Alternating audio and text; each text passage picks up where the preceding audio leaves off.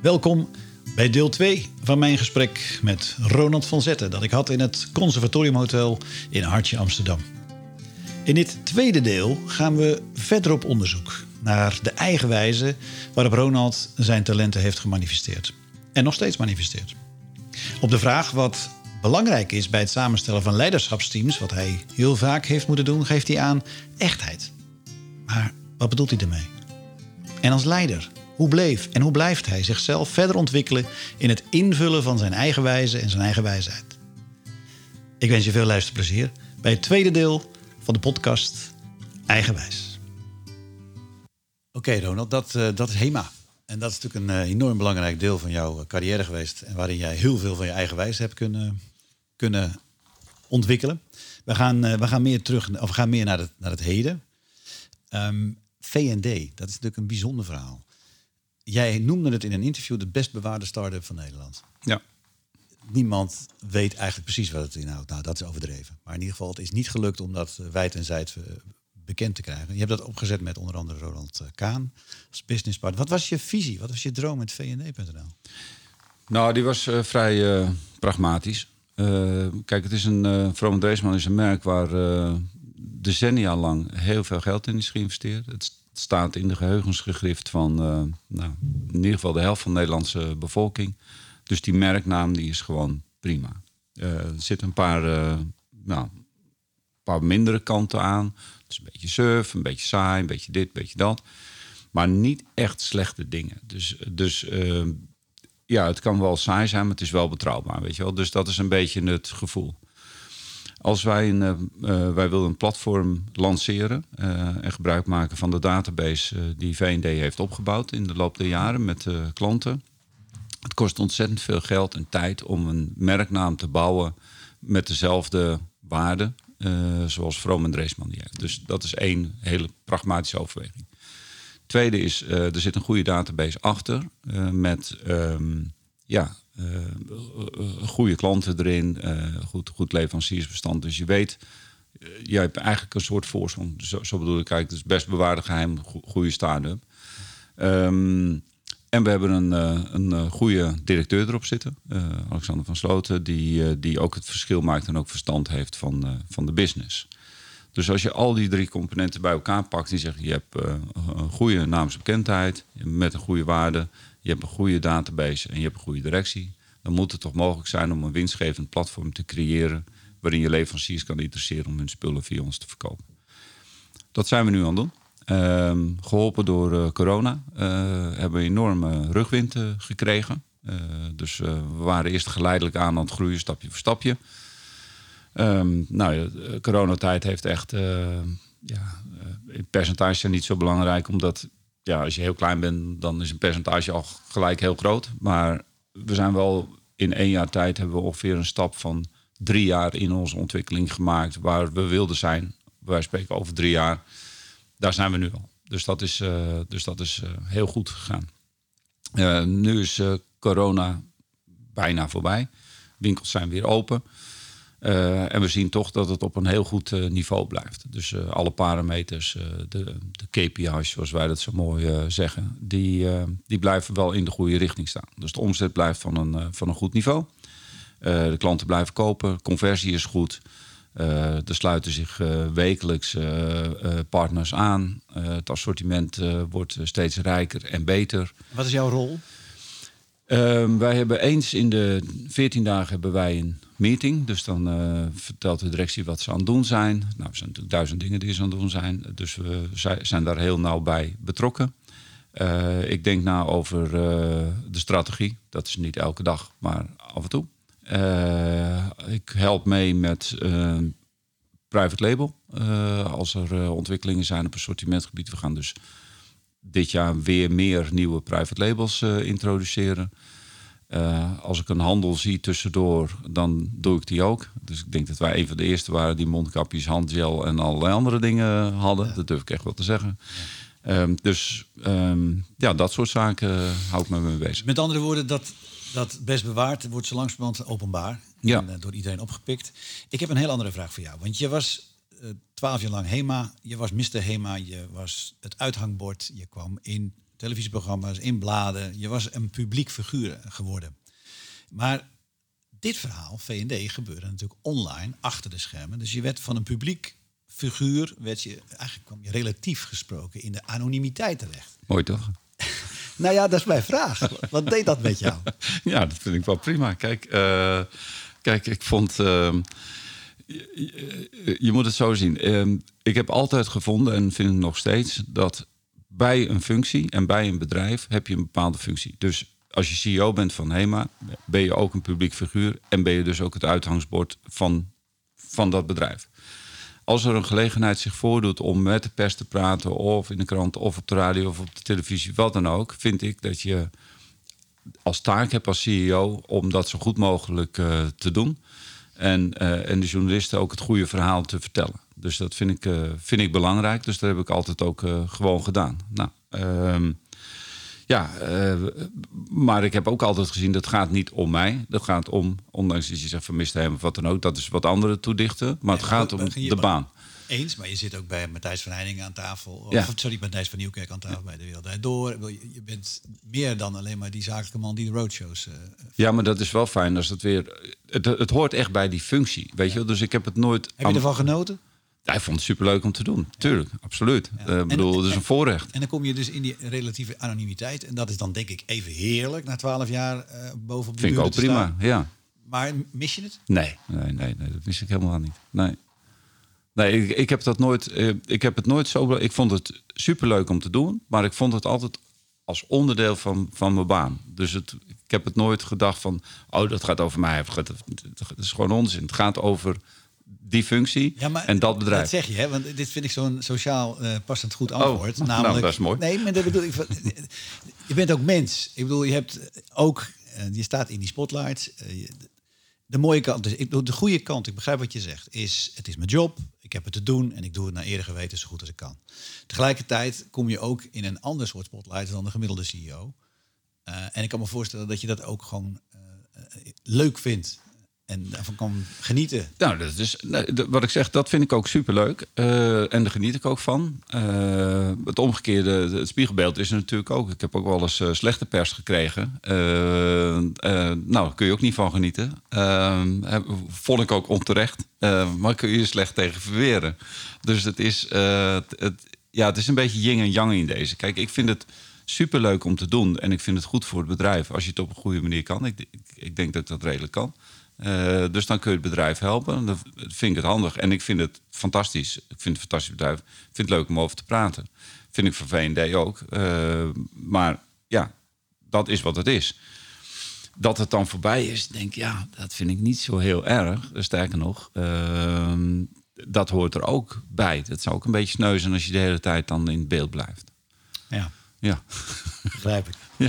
Dankjewel. Even nog een meer technische vraag uh, rondom V&D.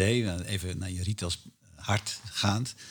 V&D, de wereld nu is natuurlijk off en online. Ik ben nu zelf werkzaam bij een, uh, ja, bij een eigen tijds familiebedrijf, de fietsvoordeelshop.nl. Dat is een ontzettend... Die moderne retailspel snappen. Dus ja. die, die hebben de bricks en de klik, zou maar zeggen.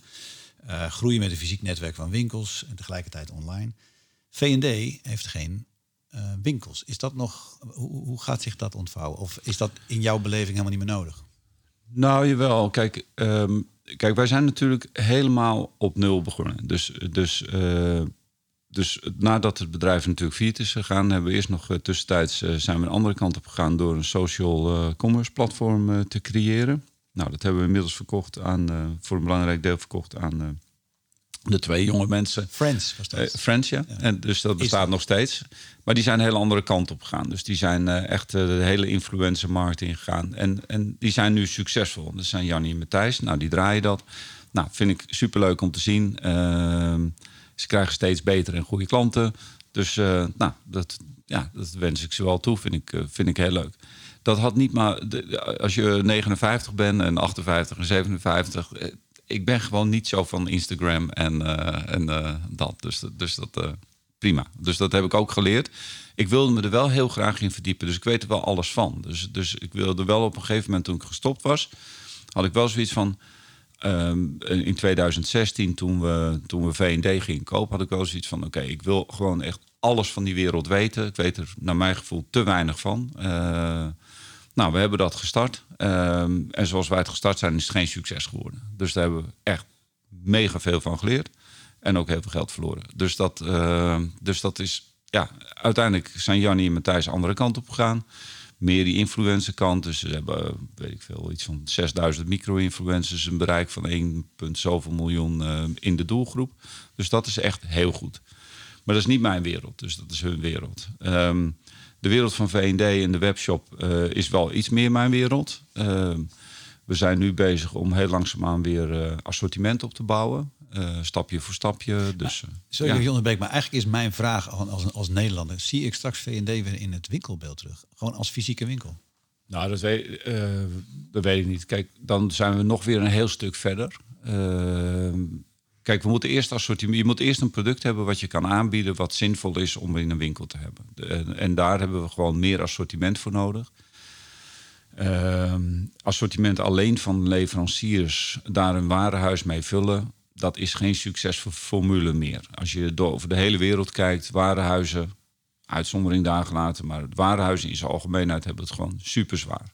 Ze zijn allemaal op zoek naar, uh, naar assortiment, naar eigenheid, naar naar vernieuwing, naar een reden om bij hun uh, te shoppen. Um, de winkeltraffic in alle steden over de hele wereld neemt af. Nou, warenhuizen waren, hadden altijd de functie van vernieuwing, uh, nieuw assortiment brengen, alles onder één dak. En inmiddels zie je zoveel superspecialisten ontstaan, van de Uniqlo's tot aan, uh, ja, noem, noem maar op, dat gewoon een warenhuis in zijn functie als zodanig veel meer uitgehold is. Dus een traditioneel warenhuis hetzelfde maken heeft geen zin iets anders maken. Uh, nou, waarom niet? Zijn we nu niet over aan het nadenken? Ik vind wel dat je op termijn daar weer over na kan denken als, als het stof is neergedaald, uh, de winkelstraten weer op een andere manier gesetteld zijn, uh, andere functie hebben gekregen. Er wordt heel vaak gezegd, ja, moeten we beleving en dit en dat. Maar daar verdien je geen geld mee, tenzij je een pretpark hebt. Maar winkels, die moeten ook gewoon business doen. Uh, en, en, business doe je alleen maar als je producten aanbiedt die klanten willen. Uh, zo simpel is het, tegen de prijs die ze ervoor willen betalen. En als je dat kunt bieden op een goede manier, onderscheidend, nou, dan heb je een functie en dan kun je bestaan. Dus, uh, en daar zijn we nog niet. Dus ik hoor je zeggen, ik sluit het niet uit, maar voorlopig is het niet aan de orde. Wij zijn er nog niet aan toe. Nee. Nee. Ronald, op dit moment ben je, als ik het goed zeg, anders corrigeer mij, ad interim CEO bij Bun Supermarkt. Uh, directeur supermarkten, geen CEO. Directeur oh, supermarkten. Directeur supermarkten. Ja. Oké. Ja. Maar ik vind het zo groot, ik vind het zo uh, ja, opmerkelijk, omdat we beginnen het interview, hè, je bent ooit in die supermarkt begonnen. Ja, ik ben weer terug. Je bent weer terug. het bloed kruipt waar het niet gaan kan. Ja. Um, wat maakt dat je zo'n job oppakt? Ja, dat heeft een paar redenen. Ik ken, uh, ken de ondernemer al uh, een aantal jaren. Um, en ik vind het ook wel heel leuk. Ik vind de operatie heel leuk. Uh, dus ik vind het ook leuk om te doen. Ik vind het ook leuk om het met het team uh, te doen. Ja, uh, het bloed kruipt waar het niet gaan kan. Ik vind het gewoon heel leuk om te doen. En, nou heb jij heel veel, en daar zoom ik een beetje op in. Ook weer in eigen wijze, want dat is de rode draad in deze podcast. Jij bent een eigenwijze leidinggevende. En zowel met de Z als met de S. En dat heeft je ver gebracht. Heb je veel ervaring en veel mooie dingen mee mogen maken. Daarin heb je ook veel leiderschapsteams samengesteld. Ja. Of soms moeten uh, herschikken enzovoort. Zeker. Vanuit die ervaring, Ronald, waar let jij vooral op? Nou, echtheid is wel heel belangrijk. En of dat mensen kunnen samenwerken. Wat bedoel jij met echtheid? Als mensen echt samenwerken, kijk, je, je moet het zo zien. Zo'n directieteam die werkt altijd onder hoge druk. Er is altijd gedoe. Uh, in de zin van uh, je wil meer of het is resultaten. Het is nooit een dag dat het allemaal vlekkeloos gaat of zo. Weet je, dat, dat, dat is. Uh, nou, dat heb ik nog niet meegemaakt in al die jaren.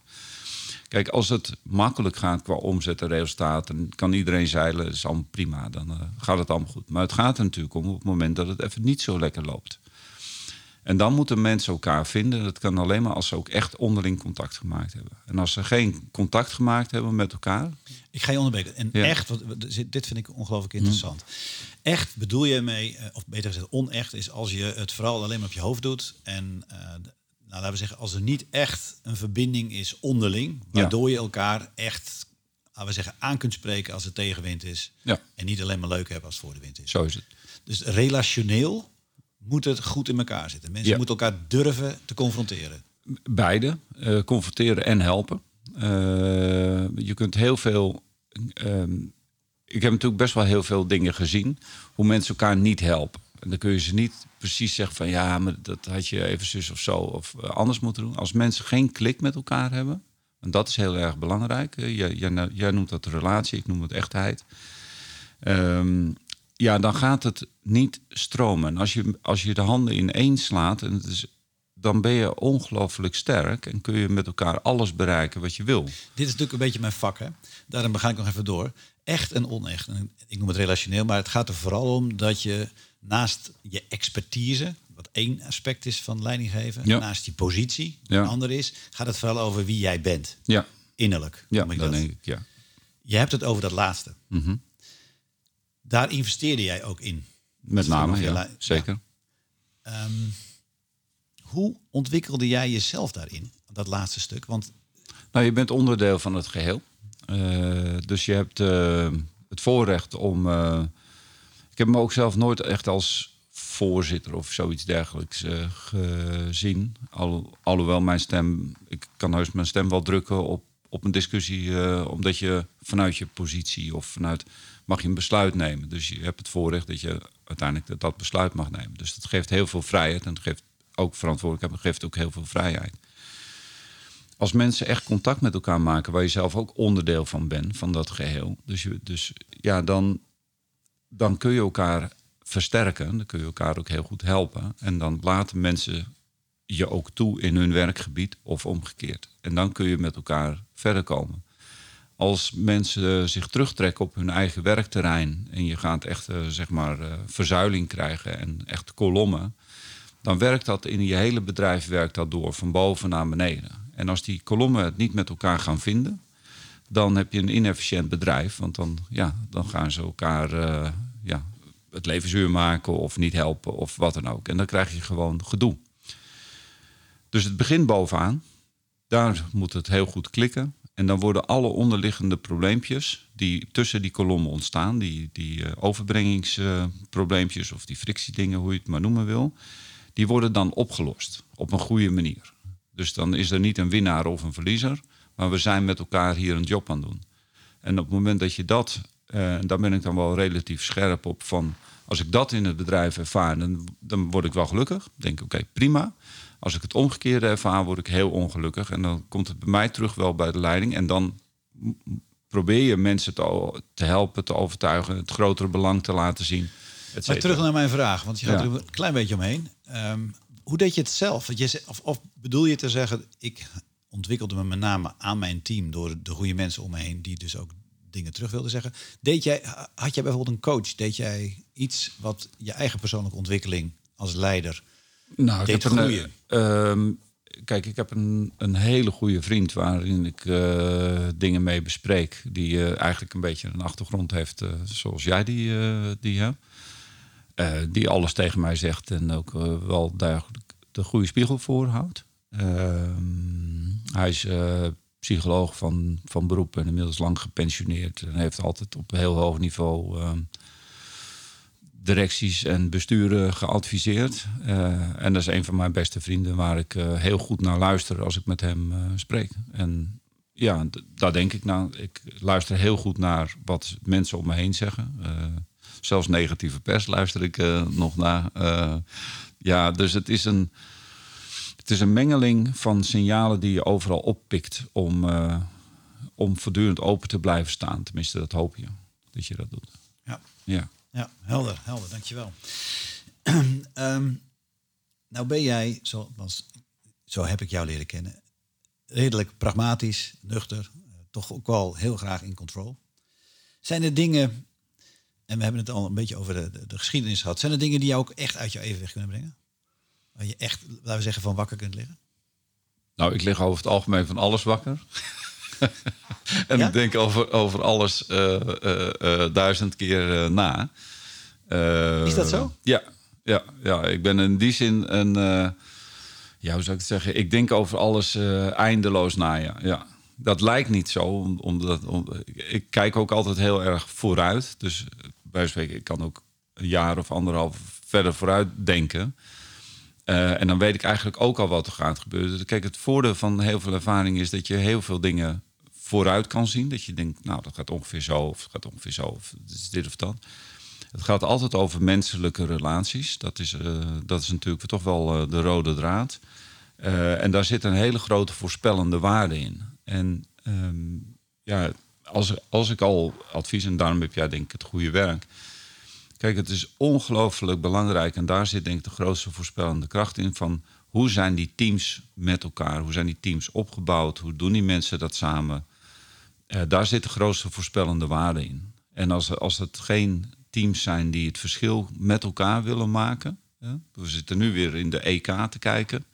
Nou, het, het, team wat het beste team is, gaat uiteindelijk het winnen. En, en voetballen kunnen ze allemaal, zonder, zonder twijfel. Maar hetgene wat echt het team is, voor elkaar klaarstaat, ja, die maken het verschil. En als je dat kan hebben, ja, dan ben je een gelukkig mens, denk ik. Ja. ja. Als ik nou eh, jou, als ik nou jouw volwassen kinderen, Ronald, vraag, ja. naar die uh, eigen wijze, dus ja. en de eigen wijsheid van hun vader, wat vermoed je dan dat hun antwoord zal zijn? Nou, niet heel veel anders dan hetgeen wat jij zegt. Uh, ik denk dat ik redelijk nou, ze weten in ieder geval wat ze aan me hebben. Dus daar zal geen twijfel over zijn. What you see is what you get. Ja. Uh, ze, uh, ik zal uh, ook heus mijn mening geven. Ik respecteer hun eigen mening. Ze mogen hun eigen ding doen. Dus ik denk dat ze dat ook doen. Nou, dat weet ik trouwens zeker dat ze dat doen. Um, maar dat wil niet zeggen dat ik het er altijd mee eens ben. Kijk, ze, ze, willen wel graag natuurlijk dat je het met ze eens bent. En dat je, maar ik sta niet bij alles te applaudisseren van hetgeen wat ze doen. Dus ja, ze moeten ook leren. Ja. En waar zijn ze vooral trots op als ze over hun papa praten? Denk je? Nou, ik hoop uh, dat ze mij een hele lieve vader vinden. Dat, dat hoop ik eigenlijk. En, en nou om het helemaal te completeren, bel ik Anouk op. En wat vult zij aan op dit verhaal? Wat vult zij aan? Nou, uh, onrustig gedreven. uh, ja, ja, dat. Dat. Ja. Nou, ik luisterde, weet ik inmiddels, ook uh, jonge leidinggevenden naar, dit, uh, naar deze podcast. Ja. Ik heb uh, recent met John Heller, je hebt hem zelf geluisterd, een gesprek gehad, ook CEO. En dat is inspirerend blijkt voor jonge leidinggevenden. Mm -hmm. nou, nou ben jij ook een senior die terugkijkt en nog steeds volop in de business is. Deze jonge gasten, laten we zeggen de Ronald van Zettens die um, jong, niet wetend waar het heen gaat, maar wel op een gezonde manier ambitieus zijn. Wat en ja, overigens, Zijstraatje, het verrijt bij V&D werk je natuurlijk veel met jongere mensen. Hmm. Wat zou je die gasten, of deze jonge men, dames en heren, mee willen geven? Of, of nou, adviseren? Er zijn, uh, zijn wel een paar dingen. Dus uh, ik zou zeggen, uh, let op dit onderwerp even extra goed op. um, zal hier een extra jingeltje bij doen? ja, zal ik een extra roffeltje bij doen. Um, om te beginnen, als je slim bent kun je heel goed luisteren. Dus ergens moet je opplakken als je slim bent, kun je heel goed luisteren. Als je heel goed kan luisteren, kun je veel leren. Ehm, ook als het van uh, oude grijze mannen zijn. Uh, want dat is het slimste. In mijn carrière heb ik altijd geprobeerd heel goed te luisteren. Naar welke baas ik ook had. En ik heb niet gekeken naar wat hij allemaal fout deed. Want dat kan ik ook wel. Dat is te eenvoudig. Maar ik heb altijd gekeken. Wat maakt hem anders? Of wat is de ene slimme opmerking die hij op die dag maakt? En ik heb zelfs een hele gerespecteerde baas uh, gehad, wiens naam ik niet zou noemen, uh, daar doe ik hem tekort mee. Maar die, die zei 99% onzin dingen, maar elke dag wel één ding wat echt mij aan denken zette. En dat vond ik echt geweldig. Ja. Dus dat je gewoon zoveel. Dus daar moet je naar op zoek. Dat is één. Twee is wat ik merk, is dat uh, ik ben ongeduldig. Uh, maar ik vind dat mensen te weinig van hun job genieten. En dan word je er nooit goed in. Dus, je, dus er is een te grote drang naar boven, naar geld verdienen. Dat merk ik echt wel bij de jeugd. Geld verdienen belangrijk is. En mijn uh, toenmalige uh, schoonvader zei in het begin al in mijn carrière tegen mij: Kijk, geld is niet belangrijk. Je moet doen wat je het allerbeste en het allerleukste vindt. En dat heb ik eigenlijk mijn hele leven, in mijn hele carrière gedaan. Dus ik heb alle besluiten los ik ben ook uh, stapjes teruggegaan in salaris, of stappen teruggegaan zelfs in salaris. Alleen maar omdat ik de job leuker vond uh, en ik het als een enorme kans uh, zag. Dus dat is, dat is ook belangrijk. Dus er zijn, mensen zijn te bewust, vind ik, met hun carrière bezig. Omdat ze denken dat ze daar het verschil mee maken. Terwijl het verschil zit al in je. En je kan alles bereiken wat je wil, maar je moet goed luisteren. En je moet genieten van hetgeen wat je bent. Als je geniet van hetgeen wat je aan het kost het je geen energie. Dan ben je uh, dus ontzettend veel te doen over work balance en uh, dit en dat. Maar uiteindelijk gaat het natuurlijk om hoe gelukkig ben je. En dus voor ieder mens is dat anders. Dus ik vind het goed om geluk na te streven als je gelukkig wordt. En ik vind werken toevallig heel erg leuk. Als je ook nog gelukkig wordt van je werk, dan ben je een bofkont, want dan kun je heel ver komen. Het andere is dat je uh, moet zoeken naar. Um, ja, je, als je heel goed kan luisteren, ik merk het ook wel in een aantal start-ups van maak niet de fouten die wij al gemaakt hebben. Het is heel goed dat ik in mijn carrière ook een paar fouten heb gemaakt. Ook bijvoorbeeld uh, nadat we met Friends zijn begonnen, uh, heb ik ook ontzettend veel geleerd. Heel veel mensen beginnen in deze tijd een appje en denken van oké, als ik die app nou eenmaal heb, dan heb ik een businessmodel en dat gaat draaien en dan komt vanzelf goed en dit en dat.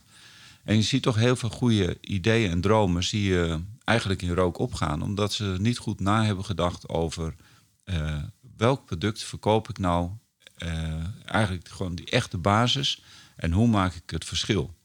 Dus de verkoopkant, en dat valt me echt elke keer op, en heel veel jonge bedrijven waarin ik in zit, is sales, sales, sales. Daar draait het om. Het is net zo goed als dat wij vroeger een pallet uh, aardbeien moesten verkopen. En die moest wel op zaterdagochtend weg en niet op maandag. Want dan waren de aardbeien de aardbeien niet meer. Ja, zeker. Um, geldt dat eigenlijk in elk vak ook. Verkoop, verkoop, verkoop. En daar richten mensen zich te weinig op. Dus echt goede verkopers maken het verschil. Dus je, wat je ook verkoopt maakt niet zo heel veel uit. Maar je moet verkopen. Wat ik heel vaak zie gebeuren is dat mensen op het interne proces zich gaan focussen. Dus die, daar kun je namelijk ook heel veel tijd aan besteden. Nog mooier maken, nog beter maken, nog, nog, nog meer strategie, nog meer dit, nog meer dat. Maar ze vergeten de verkoopkant. En de verkoopkant maakt het verschil. Daar zit de omzet, daar zitten klanten. Daar, ja, daar draait de motor waar het om gaat. Dus als ik dat zou kunnen meegeven, als er maar één is die denkt, daar word ik blij van, dat ga ik doen. Dat is echt het allerbelangrijkste. En al de rest telt niet. Ja, mooi. Dat zijn uh, prachtige adviezen. Ik heb een heel andere vraag nog aan jou. En dat is, terugkijkend, 59, van alles bestormd. Prachtige dingen meegemaakt. Als je het licht plaatst op misschien wel een klein beetje de schaduwkant. Heeft het volgen van jouw eigen wijze, heeft het je ook dingen gekost? Ja, zeker natuurlijk. Uh, ja, je weet nooit hoe dingen gaan natuurlijk. Het heeft, uh, het heeft uh, waarschijnlijk... ja, het, het zal... je hebt minder tijd in jezelf kunnen investeren als het gaat om vriendschappen. Dus je hebt veel minder vriendschappen opgebouwd. Dan heb ik het over echte vriendschappen. dan wat je gedaan zou hebben als je daar meer tijd in gestoken zou hebben. Dus, dus dat is een keuze. Ik heb al heel snel ook de keuze gemaakt, echt alleen voor, voor mijn gezin en voor mijn werk. En dan sluit dat heel veel andere dingen sluit dat uit. dus dat heeft het je zeker gekost. Daar heb ik overigens zeker geen spijt van als je, als je het zo aan me vraagt. ik denk dat ik heel veel tijd ook met mijn kinderen heb door kunnen brengen. Ook nadat, nadat ik gescheiden ben, toch altijd ook de helft van de tijd voor die kinderen kunnen zorgen. Dat heeft me weer veel gebracht. Maar goed, dat betekent wel dat je heel veel andere dingen niet hebt kunnen doen. Dus dat is, ja, het zal relaties gekost hebben, denk ik ook. Ja. ja. ja. Vooruitkijkend, 59. Uh, je bent nog volop in actie. En dat is fijn en goed om te zien, Ronald. Wat zijn je favoriete ingrediënten, als, als je het een beetje in kookachtige termen mag zeggen, ingrediënten voor de volgende ja, laten we zeggen, drie tot vijf jaar, we zeggen, oh, dat zou ik nog eens heel graag willen, want dat heb ik eigenlijk nog niet echt geleefd. Of dat zou ik weer meer willen gaan doen. Dat zou ook nog een in perspectief kunnen zijn. Nou ja, kijk, weet je wat het is? Uh, ik vind het heel leuk om uh, over assortimenten na te denken en over winkelconcepten. En er zijn wel een paar retailers, bij wijze van spreken, als die morgen nog zouden bellen, zouden zeggen van, denk eens even met me mee, zou ik dat nog steeds doen? Ik ga ja. mezelf daar niet melden, maar ik zou dat zeker doen. En als ik doorvraag, ga je geen uh, namen noemen? Oh, nou, best wel. Ik vind bijvoorbeeld het meest fascinerende bedrijf op dit moment is denk ik IKEA, denk ik, als het om fysieke retail gaat. Ik ben er een groot bewonderaar van. Nou, ik ben gewoon. Uh, ik heb zeker ook ideeën van oké, wat zou een volgende fase voor zo'n bedrijf moeten zijn? Uh, nou, vind ik een van de, van de best geleide bedrijven, denk ik. Nou, ik vind Decathlon vind ik echt een fenomeen in zijn soort. discount op vrije tijdsbesteding en sport. Ik denk, nou, groot respect, petje af. kan een wereldbestormeraar zijn. En als er een Nederlands bedrijf langs komt, wie zou dat dan kunnen zijn? Waarvan je zegt, nou, vind ik ook echt heel bijzonder. Nou, kijk, in Nederland heb ik het mooiste bedrijf al gehad. Dus, eh, dus, uh, dus daar zit niet zo heel veel, uh, zit niet zoveel meer in. Oké, okay. nee. helder. Nee. Dan de traditie ja. uh, in deze podcast is dat de gast een nummer uitzoekt. Een muzieknummer waar hij bijzondere herinneringen aan bewaart. Die betekenisvol is voor, in dit geval voor jou. jij gaf aan en ik, ik, ik, toen ik jou belde, want dat weet ik namelijk nog van diezelfde reis van de busreis naar Parijs, waar we in het begin van ons gesprek Heel goed over Ik vond het juist zo knap van je dat je dat, nog, uh, dat je dat nog wist. Dat jij een absolute U2-fan bent. Ja. Uh, dus het verbaasde me niet dat je met dit nummer kwam. Maar vertel eens, wat maakt dit nummer, uh, The City of Blinding Lights van U2, zo bijzonder voor jou? Nou, het is, ehm, het is de tekst enerzijds. Anderzijds, het is de start van de Vertigo Tour. met dat nummer trapt dus af, eigenlijk. En als je wel eens naar een concert bent geweest van YouTube, ik ben natuurlijk vaak naar een concert van hun geweest, dat kun je iets bij voorstellen. Um, ik vind het gewoon fantastisch als je gewoon in nou, een paar seconden zo'n heel stadion of plek waar je dan bent, gewoon helemaal ja, in vervoering kan brengen. En dat gewoon gedurende het hele concert kan volhouden. Dat, dat vind, vind ik één ding. Ik vind de muziek natuurlijk fantastisch. Uh, maar ik vind hun songteksten vind ik ook echt briljant. Dus, uh, en wat maakt deze songtekst zo? Dus de, City of Blinding Lights. Je dat het, gaat over, uh, het gaat over verleiding, het gaat over onechtheid en, en echtheid. Het gaat over ja, blijf bij jezelf als boodschap. Tenminste, dat haal ik eruit. En, ja. we, gaan, we gaan er naar luisteren. Als het goed is, gaat hij Kijk, kijk, het is de live uitvoering overigens in 2005 van Milaan. Dus dit, hier is dat wat jij bedoelt, hè? Ja, dat is de start. De start. De start van de... En dus dat stadion, dat zwelt aan. Nou, dan luister.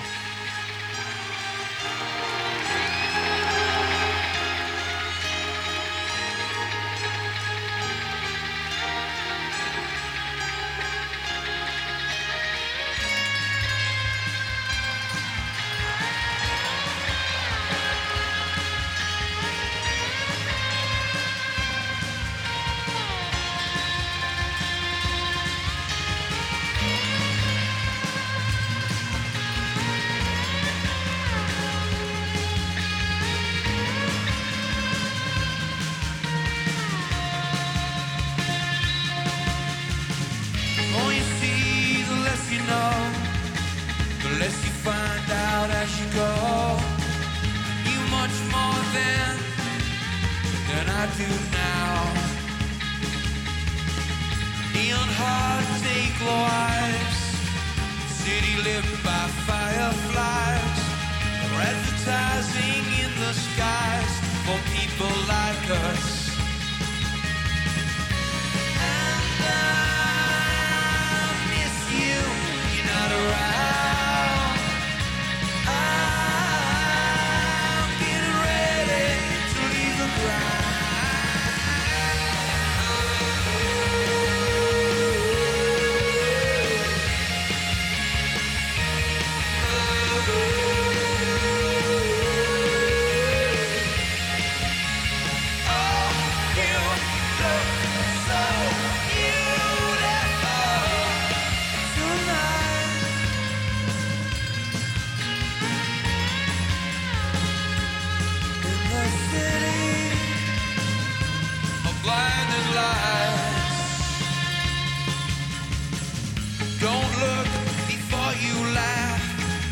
look ugly in a photograph.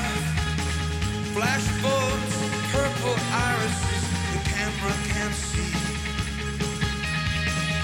I've seen you walk on unafraid, see in the clothes you make. Can you see the beauty inside of me? What happened to the beauty I had? Nou, over energie gesproken, Ronald. Dat spat er vanaf, man.